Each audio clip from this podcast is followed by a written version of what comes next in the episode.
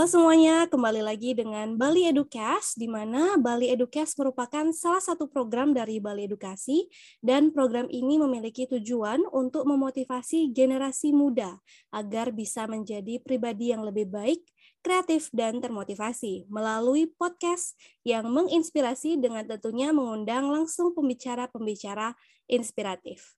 Dan kita sudah sampai di episode ketiga nih.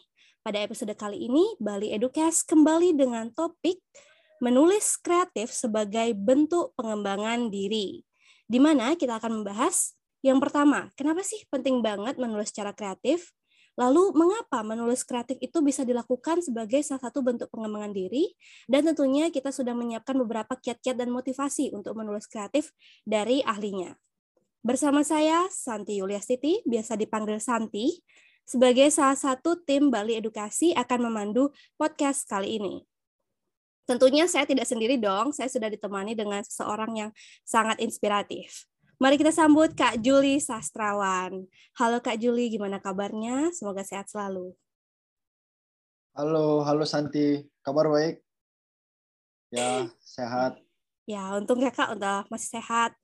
Dan hmm. apakah Kakak sudah siap nih untuk podcast hari ini? Oke, siap. Oke, sebelum mulai aku izin perkenalkan kakak dulu ya. Jadi teman-teman pendengar di rumah, Kak Juli, Kak Putu Juli Sastrawan, biasa dipanggil Kak Juli, benar begitu Kak? Ya. Oke, adalah seorang penulis dan penerjemah. Ia sempat menjadi pemenang Festival Literasi Nasional pada tahun 2016 yang diadakan oleh Badan Pengembangan dan Pembinaan Bahasa atau Badan Bahasa Kementerian Pendidikan dan Kebudayaan Indonesia. Dan pada tahun 2020 baru saja menerbitkan buku terbarunya Kulit Kerapi Duka dan on the next year tahun 2021 menerbitkan buku berjudul Sebab Hidup Memang Begini dan Cuma Begini.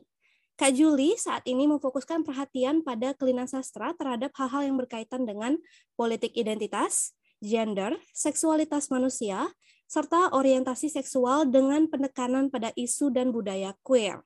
Wow, ini materinya berat-berat banget ya Kak, dan produktif banget kakaknya dan juga tentunya inspiratif. Kalau dari Kak Juli ada nggak nih sekapur sirih buat teman-teman di rumah yang mendengarkan? Mungkin ingin perkenalkan diri lebih personal atau mungkin uh, ada pesan untuk para pendengar di rumah sebelum kita lanjut ke sesi diskusi.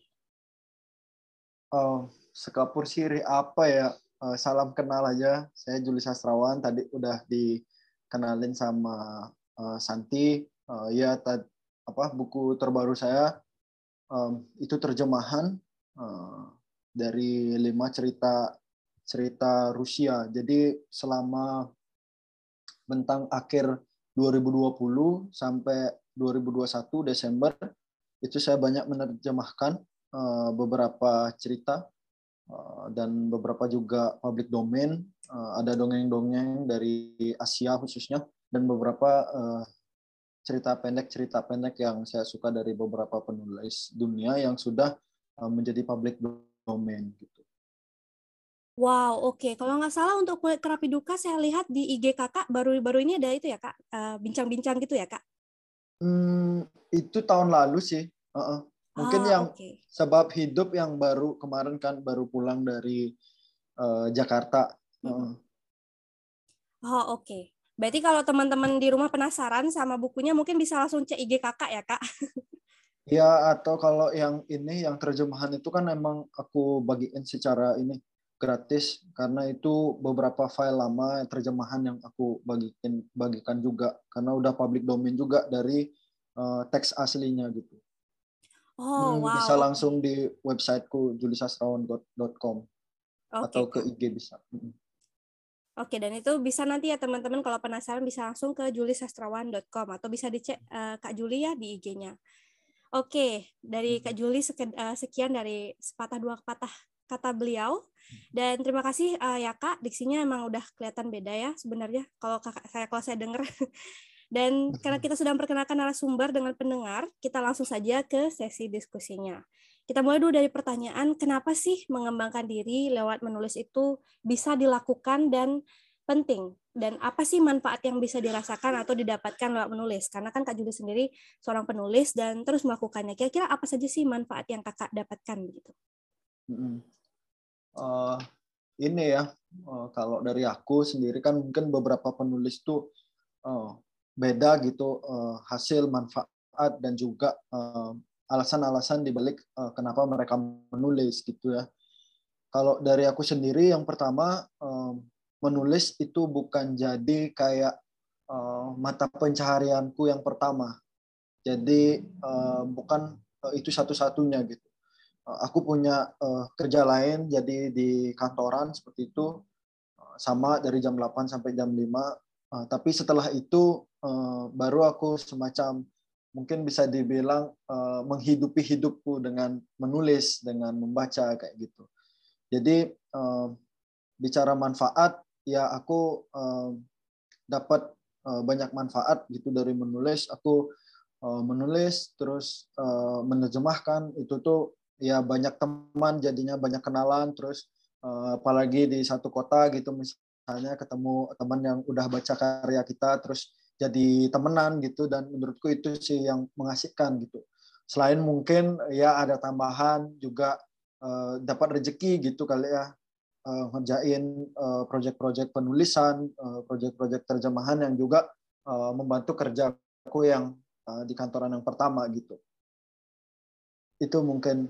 Dan ya menurutku uh, ini sih menulis uh, membaca tuh kayak misal uh, skill gitu. Jadi bisa uh, mengembangkan diri. Aku merasa uh, membaca karya sastra tuh karena dia ada banyak karakter gitu. Jadi aku bisa uh, mengenal banyak jenis orang uh, tanpa mengenal secara langsung gitu.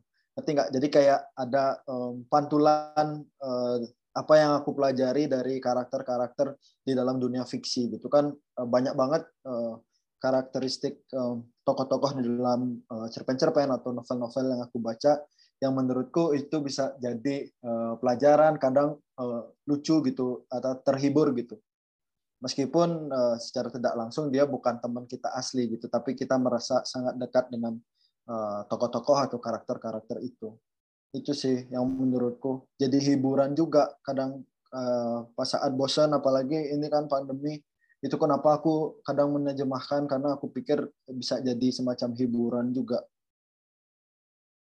Itu Oke, mungkin Kak. Santi menjawab nggak ya? Hmm, tadi kakak bilang mention membaca gitu. Uh, hmm. Jadi membaca dan menulis sih sepertinya nggak bisa lepas ya kak kaitannya. Jadi kalau mau hmm. menulis hmm. harus banyak membaca, benar begitu kak? Iya karena uh, apa yang kamu tulis terus kamu nggak baca gitu misalnya, atau uh, bagaimana kamu bisa uh, semacam uh, memberikan variasi dalam tulisan kalau memang kamu nggak baca gitu pasti kan akan jadi monoton terus kata kata-kata atau uh, cara-cara kamu bercerita tuh pasti segitu-segitu aja gitu. Nah dengan membaca itu kan kita sebenarnya kalau misal menulis fiksi juga membaca karya orang lain itu kita merasa bukan diri kita yang paling hebat gitu atau paling pintar nulis gitu. Tapi ternyata ada banyak cara gitu, ada beragam cara juga uh, bagaimana penulis lain uh, bercerita gitu. Yang menurutku uh, jadi pemantik juga semangat buat berkarya. Terus ide-ide um, ide baru tuh juga lahir biasanya setelah membaca gitu. Kalau aku sendiri. Santi. Oh, Oke okay, kak, berarti dari kakak membaca banyak buku, kakak mendapatkan banyak ide, kemudian kakak tuangkan itu ke dalam tulisan, begitu kak ya. Jadi uh, hmm. penting juga kita harus bisa merangkai ide-ide itu kayak melalui tulisan. Sepertinya itu manfaat yang didapat oleh kakak ya. Ya bisa mungkin dibilang seperti itu, Santi. Tapi kadang juga cerita-cerita keseharian gitu yang kadang berangkat dari teman kita ada hal lucu yang uh, bisa jadi uh, Eh, nanti gitu dia bakal hadir menjadi tokoh uh, cerita kita gitu bisa aja gitu nggak nggak nggak melulu juga soal uh, membaca tapi keseharian kita gitu kalau membaca kan sebenarnya nggak cuma soal uh, membaca buku tapi bagaimana kita juga membaca lingkungan sekitar kita gitu. Wow, oke, okay. keren banget ya membaca lingkungan sekitar kita. Kemudian itu diubah menjadi tulisan. Wow, menarik banget. Berarti uh, kakak percayanya uh, menulis itu adalah sebuah bakat atau bukan kak kira-kira? Apakah itu bisa diasah atau beberapa orang memang punya bakat tertentu dalam menulis? Uh, mungkin ada uh, yang punya bakat tertentu gitu, tapi bagi aku uh, menulis itu bukan uh, 100% bakat gitu. Jadi uh, uh, dia sebenarnya uh, hadir atau uh, bisa dilakukan tuh dengan cara diasah gitu. Jadi dengan cara membaca terus balik lagi menulis, membaca balik lagi menulis kayak gitu yang yang yang dia bisa jadi semacam cara-cara kita latihan gitu dan dan itu yang membuat tulisan-tulisan kita lebih enak dibaca atau lebih ya dalam tanda kutip lebih baik dari sebelumnya gitu. Uh -uh.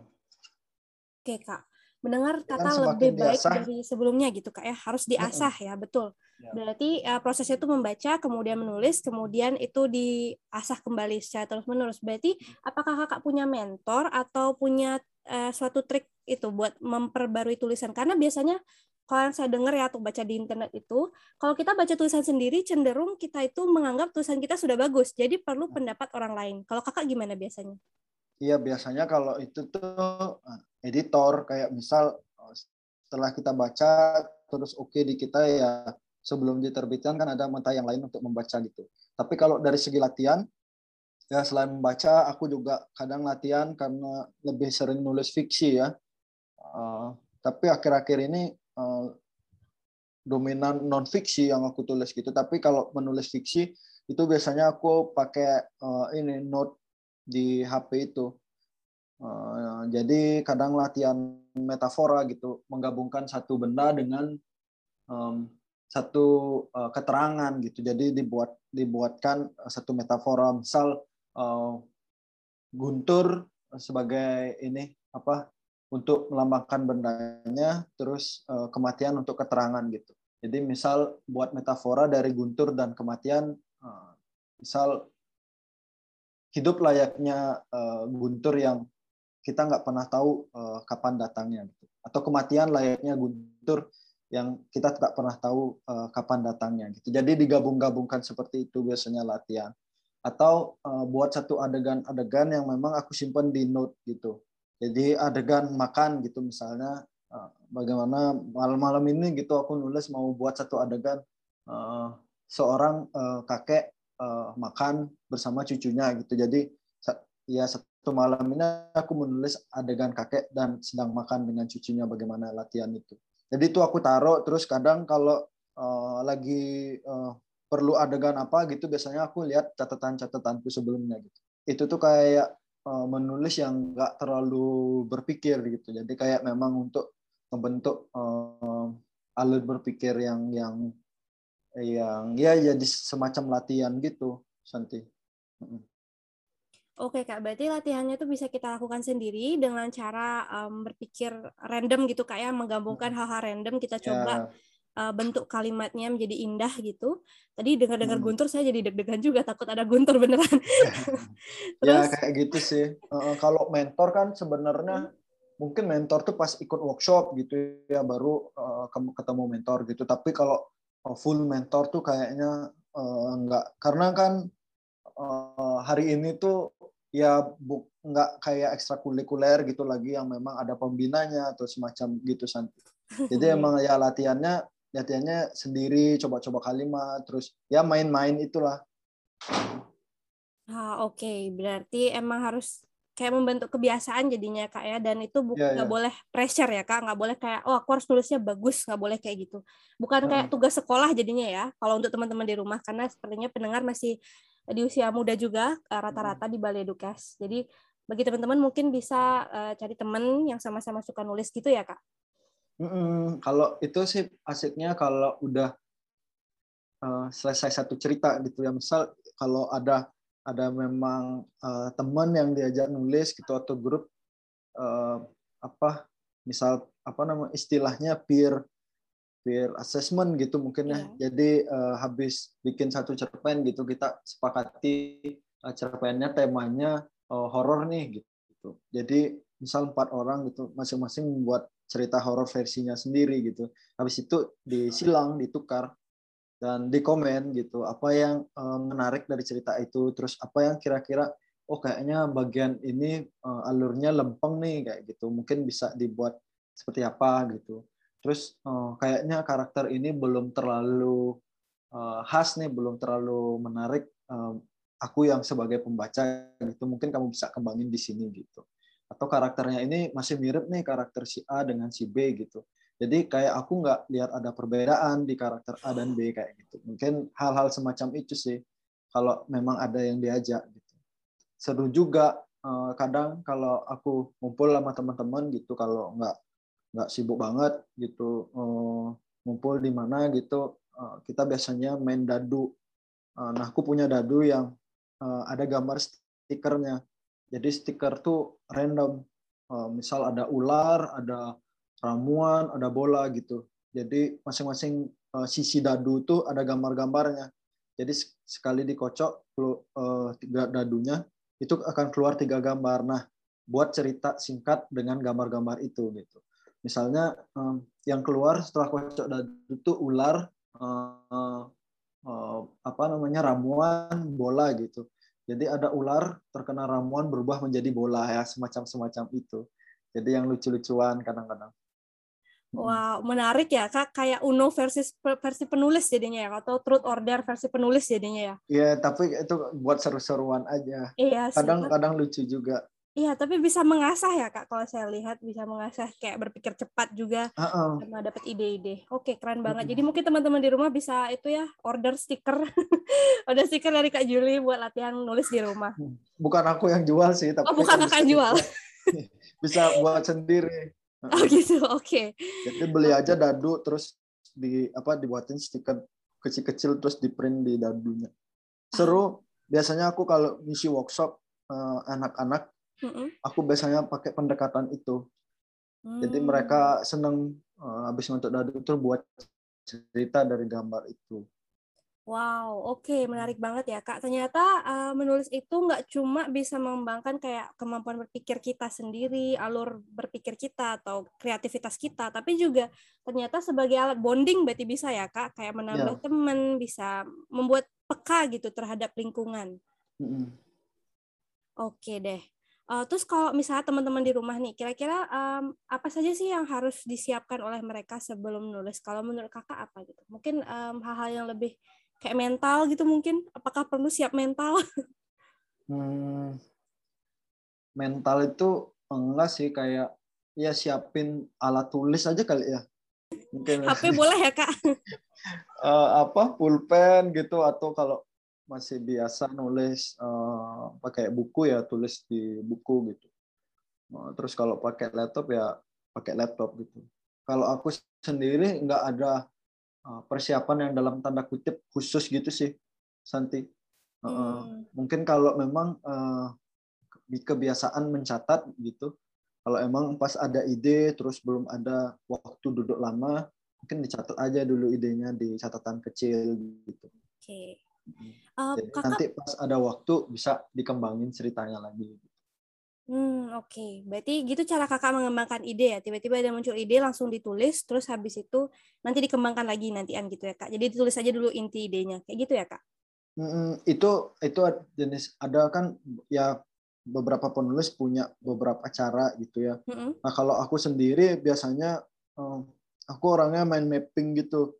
Hmm. Jadi nggak nggak penulis yang kan ada tipe penulis yang ngambil laptop terus langsung nulis jadi gitu. Wow. Alur alurnya udah udah jadi gitu. Tapi kalau aku biasanya pakai sticky note. Jadi uh, ditempel-tempel gitu. Uh, misal uh, siapa bertemu siapa gitu. Jadi kayak alurnya itu aku tempel-tempel terus uh, hubung-hubungkan itu kalau aku udah merasa oh, oh oke okay nih udah jadi satu cerita nih gitu misalnya ya baru aku jadi ketik jadi baru aku ketik gitu. Jadi aku tinggal ngikut mind map yang udah aku buat gitu. Biasanya lama di pembuatan mind map sih. Kayak misal hmm. waktu aku nulis novel nah itu karena alurnya uh, maju mundur lompat-lompat terus karakternya lumayan banyak terus baru karakterisasi uh, karakternya kan. Ya jadi itu aku perlu bantuan ini uh, sticky note kadang mind map di di Google itu kan ada juga uh, apa kayak spider map gitu kayak nama nama aplikasinya yang biasanya aku aku buat gitu. Karena oh. novel juga ininya lama perlu napas yang panjang gitu. Aku kalau nggak dicatat seperti itu uh, takutnya dia uh, kelupaan. Jadi uh, di bab pertama kita buat karakternya misalnya uh, fobia air gitu atau takut air. Terus di bab 7 tiba-tiba karakternya tuh ngajakin main ke pantai gitu itu kan sesuatu yang aneh jadinya hal-hal yang kayak gitu menghindari hal kayak gitu Oke, okay, tadi kakak bilang um, kalau ada ide takut lupa gitu. Apakah kakak menyiapkan sticky notes hampir di setiap rumah gitu kak, atau gimana? Enggak sih catatan aku biasanya. Misal uh, kalau buat essay gitu, kalau aku pikir, oh ini kayaknya seru nih gitu. Jadi aku tulis itu kenapa uh, apa Google Keep tuh lumayan banyak banget karena tiba-tiba ada ini uh, tiba-tiba ada ide ya aku catat gitu. Uh, tapi uh, ada satu penulis yang menurutku lucu banget sih. Uh, dia bilang uh, sebenarnya nggak uh, perlu mencatat ide gitu. Kalau idemu bagus, uh, kamu bakal ingat uh, terus gitu. Tapi kalau uh, ide jelek pasti akan lupa besoknya gitu. Hal-hal kayak gitu yang menurutku, oh kadang bener juga gitu. Kadang kita mikir uh, ide hari ini tuh A gitu, aku kepikiran, kayaknya bagus nih jadi cerita gitu.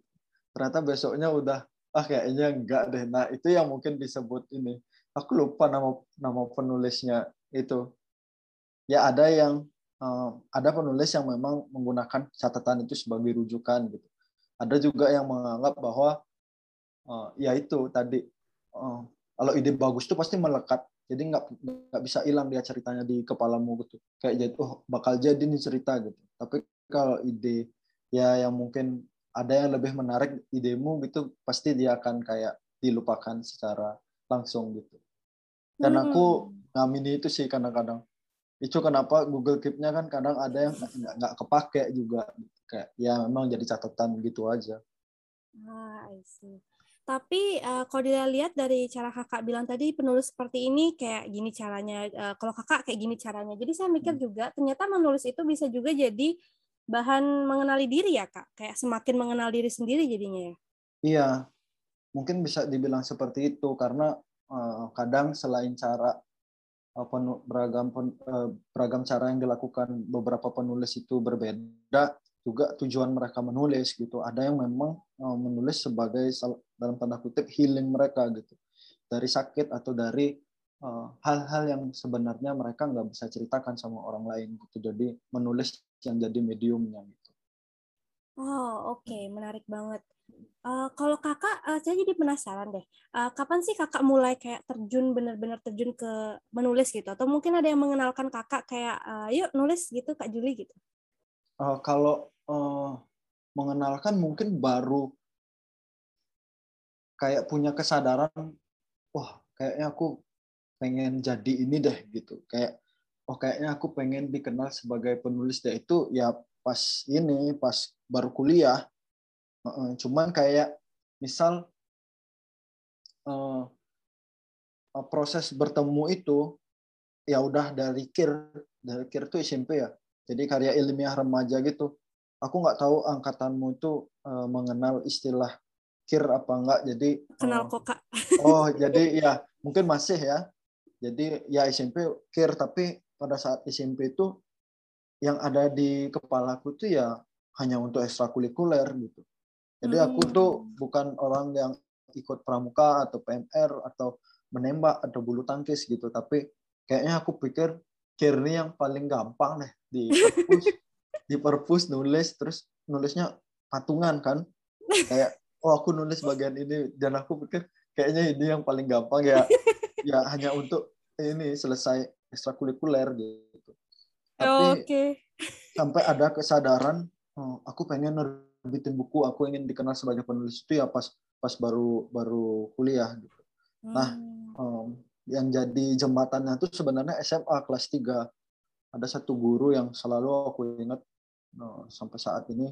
Jadi waktu dia beli bukuku tuh aku merasa kayak uh, dia ngajak ketemu terus pengen minta tanda tangan terus aku ingat kayak wah guruku kayak gitu guru SMA ya emang hmm. agak lebay sih aku kadang-kadang tapi nah, kayaknya saya lihat ya. deh kak di IG sampai di post fotonya dan itu kayak benar-benar oh, berkesan ya. banget mm -mm. jadi uh, itu tuh dulu kelas 2 kalau nggak salah kelas 2 SMA aku anak bahasa jadi oh, anak bahasa IPS sama IPA tuh ininya beda apa uh, kantinnya beda gitu. Jadi kayak nongkrongnya beda. Terus pas istirahat kan biasa itu ngobrol di kantin oh, ribut gitu. Terus lama kelamaan cuman suara kita yang kedengeran di kantin bahasa tuh.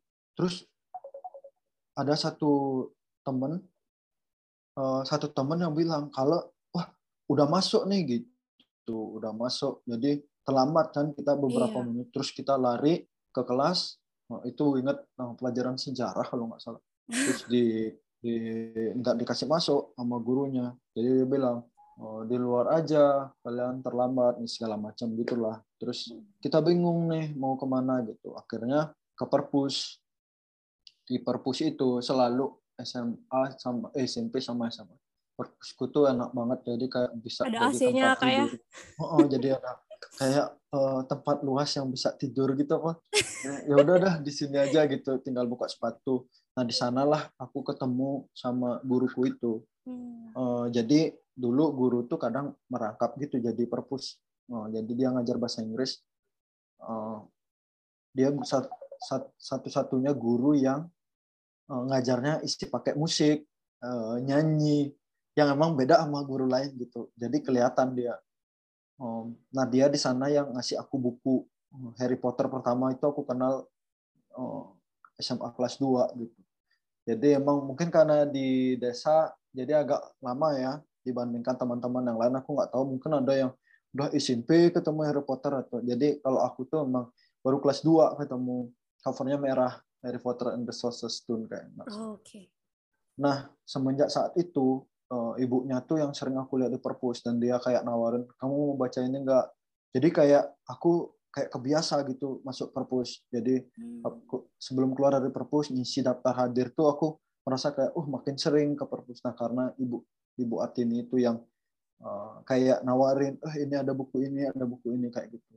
Sampai pas kuliah uh, aku masih bingung uh, ya jurusanku aku udah tahu mau ke mana gitu cuman masih bingung kampus gitu. Dua kampus ini A apa B gitu aku minta pertimbangan sama dia. Dan sampai aku ikut pertimbangannya aja dan ya aku merasa senang. Terus pas kuliah ketemu lagi uh, dosen yang memang uh, aku pikir satu radar atau satu sinyal gitu ya. Jadi makin uh, semakin ngembangin iniku apa namanya semakin ngembangin uh, menulisku terus uh, cara diskusi segala macam seperti itu jadi untuk menjawab pertanyaan eh, kapan itu, nah kalau kesadarannya sih baru pas kuliah 2011 kak, 2011 2012. Semester baru ada, awal kak, semester awal. Iya iya iya. Ya. Hmm. Jadi udah ada kesadaran pengen ini apa namanya ya pengen dikenal sebagai penulis gitu, pengen kayaknya punya buku kayak gitu.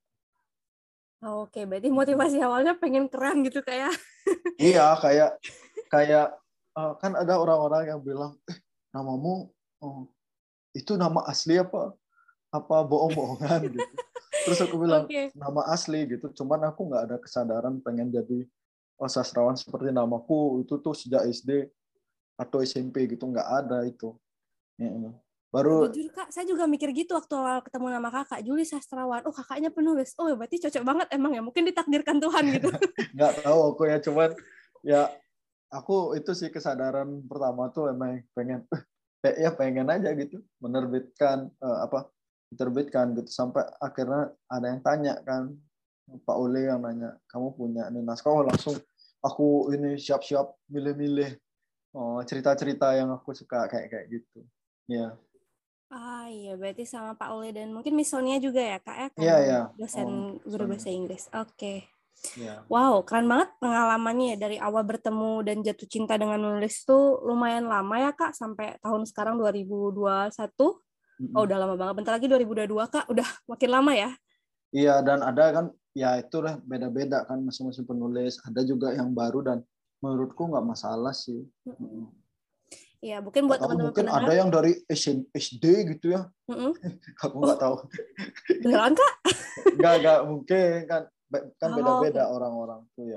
Oke, okay. jadi untuk teman-teman pendengar nggak usah merasa telat telat baru, ih kok aku baru nulis ya gitu. Nggak apa-apa, nggak ada kata telat ya kak? Iya sebenarnya kalau menurutku sih gitu. Oke, okay, aku juga setuju sih. Telat kak. telat versi siapa kan gitu.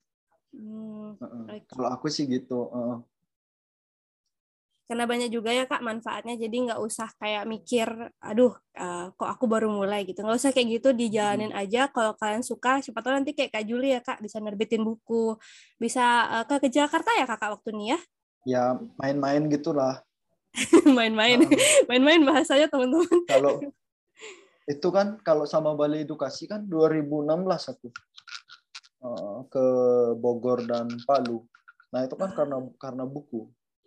Ah, karena buku. Waktu hmm. itu juga tak lihat kalau nggak salah ada foto bersama Kak Heri ya Kak di Bogor memegang buku gitu. Berarti itu buku dari kakak ya terbitan kakak? Oh bukan bukan itu tuh kayak ini.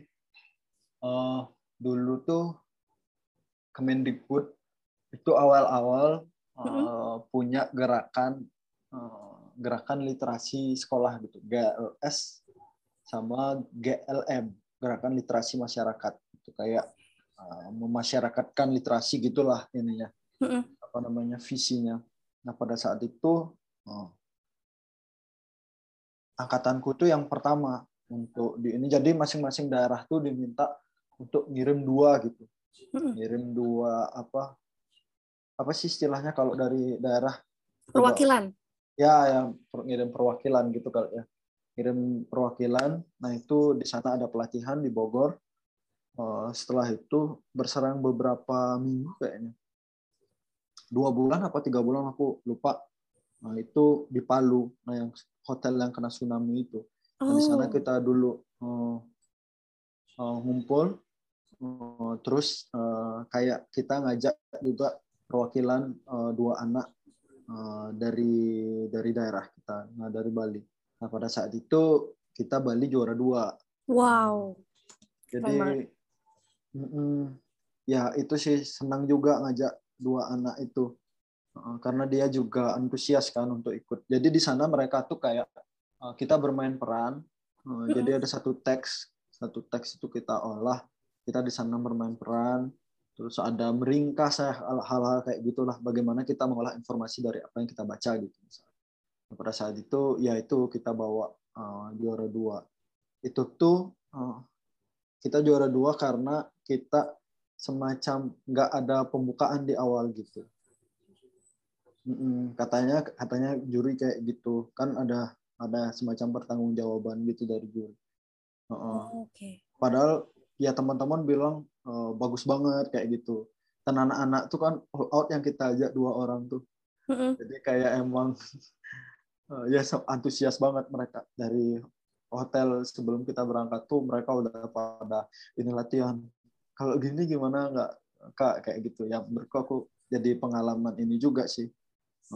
Nah itu dan itu kan bawa ini Bali edukasi yang dari Bali.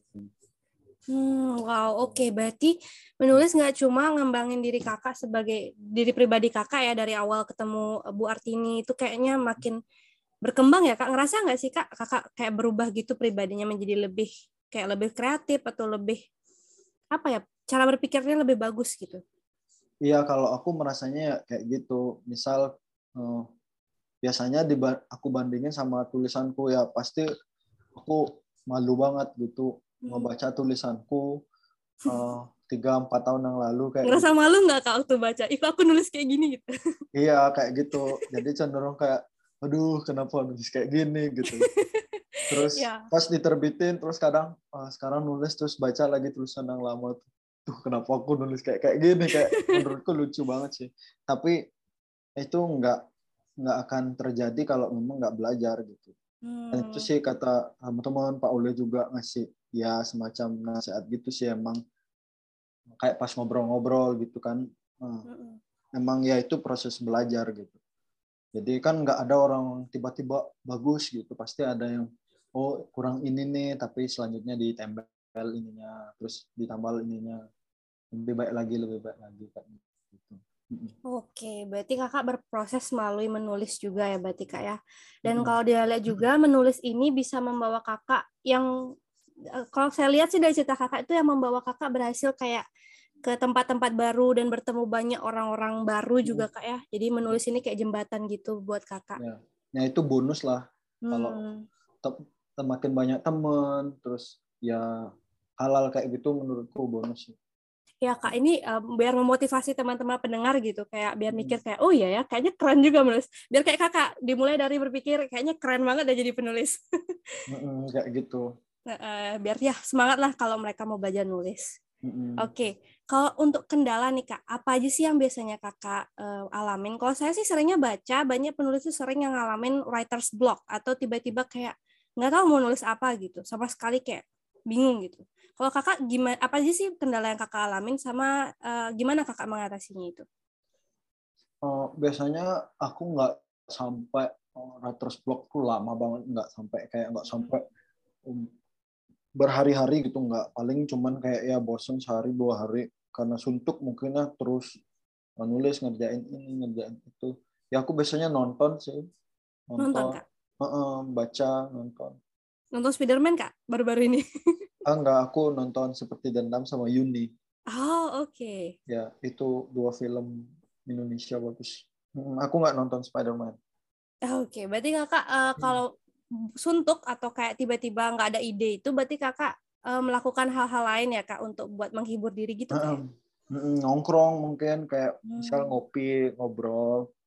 Biasanya nonton sih paling sering itu tuh kayak ya misal semacam istirahat gitu baca kan kan nggak mungkin gitu oh, tapi mungkin aja sih kalau ada penulis yang kayak memang itu mata pencahariannya dia harus uh, nulis dan selesaikan secepat mungkin gitu kan. Cuman kalau aku kan uh, case-nya berbeda gitu. Uh, lebih ya aku mikir lebih santai terus lebih menikmati terus kalau uh, suntuk ya nonton ya baca gitu.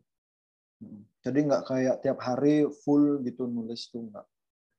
Ada fase-fase kayak oh, satu malam tuh memang aku habisin baca-baca cerpen yang aku suka gitu atau buku-buku yang baru aku beli.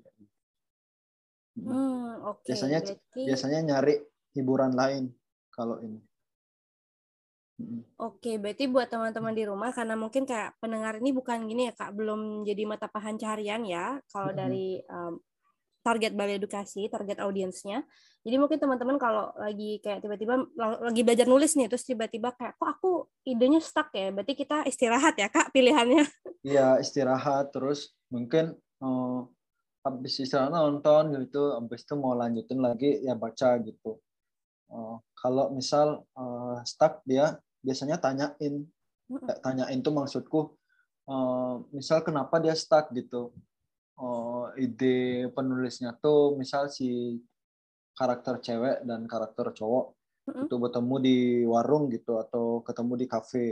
Terus oh, yang nulis ini bingung oh aku apain ya? gitu. Jadi bisa dilakukan salah satunya adalah ditanyain gitu. Nah kamu tuh pengennya dia ngapain sebenarnya di sana gitu nah tanyain tuh bisa jadi uh, ngelihat sudut pandang lain juga. Kayak misal Eh, bagaimana situasi di sana kan? Jadi bisa menjawab kamu melanjutkan menulisnya dengan menggambarkan situasi di sana gitu.